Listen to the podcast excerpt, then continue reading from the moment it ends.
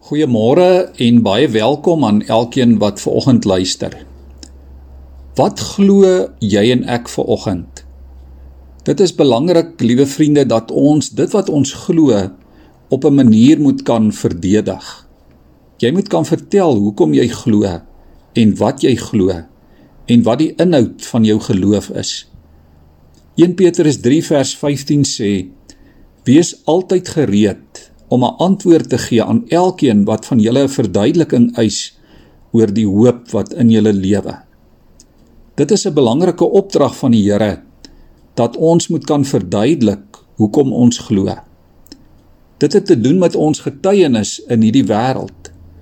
Vir baie gelowiges is dit dalk 'n vreemde en selfs 'n bedreigende gedagte omdat ons dalk voel ons ken die inhoud van die Bybel nie goed genoeg nie. En daarom is dit belangrik om die Bybel te lees, om dit te bestudeer sodat mense oortuig kan word dat dit waarin ons glo, die waarheid is. Natuurlik doen die Heilige Gees self die oortuigingswerk in mense se harte. Maar die Gees van God wil vir jou en my getuienis vandag daarvoor gebruik. In 2 Timoteus 4 vers 1 tot 4 lees ons die volgende: Ek beveel jou voor God en voor Christus Jesus wat die lewendes en die dooies sal oordeel. Ek beveel jou met die oog op sy koms en sy koningskap. Verkondig die woord. Hou daarmee vol, tydig en ontydig. Weer lê, bestraf, bemoedig deur met alle geduld onderrig te gee. Want daar sal 'n tyd kom wanneer die mense die gesonde leer nie meer sal verdra nie Hulle sal hulle eie begeertes volg en vir hulle leermeesters bymekaar maak wat net sal sê wat hulle graag wil hoor. Hulle sal die waarheid nie wil hoor nie en hulle tot verdigsels wend. Hierdie opdrag van die Here is vanoggend baie duidelik. Verkondig, weerlê, bestraf, bemoedig en onderrig. En om dit te kan doen is dit belangrik dat jy en ek seker sal wees van dit waarin ons glo. Jy moet seker wees dat die Bybel en die boodskap van die Bybel die waarheid is. En dit kan net gebeur as jy deur die Heilige Gees oortuig word van God se genadepad met mense deur die eeue. Ook van God se genadepad met jouself en van die Jesus evangelie waardeur God wil dat mense gered sal word.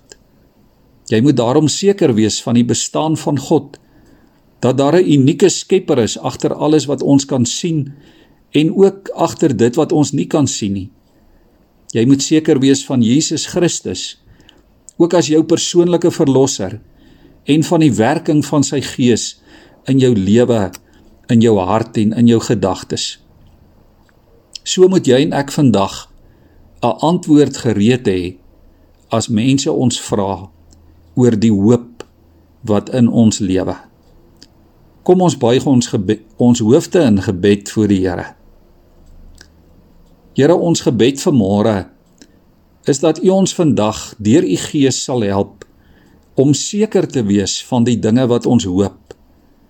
Here, om oortuig te wees van die dinge wat ons dikwels nie kan sien nie. Daar is baie dinge in die Bybel wat vir ons as mense moeilik is om te verstaan. Maar Here, U nooi ons om soos kindertjies te glo om by U te kom leer. Help ons Here in hierdie tyd om die dinge te onderskei wat regtig vir U belangrik is. Help ons om vandag vir die wêreld te wys dat geloof beteken om veilig by U te wees.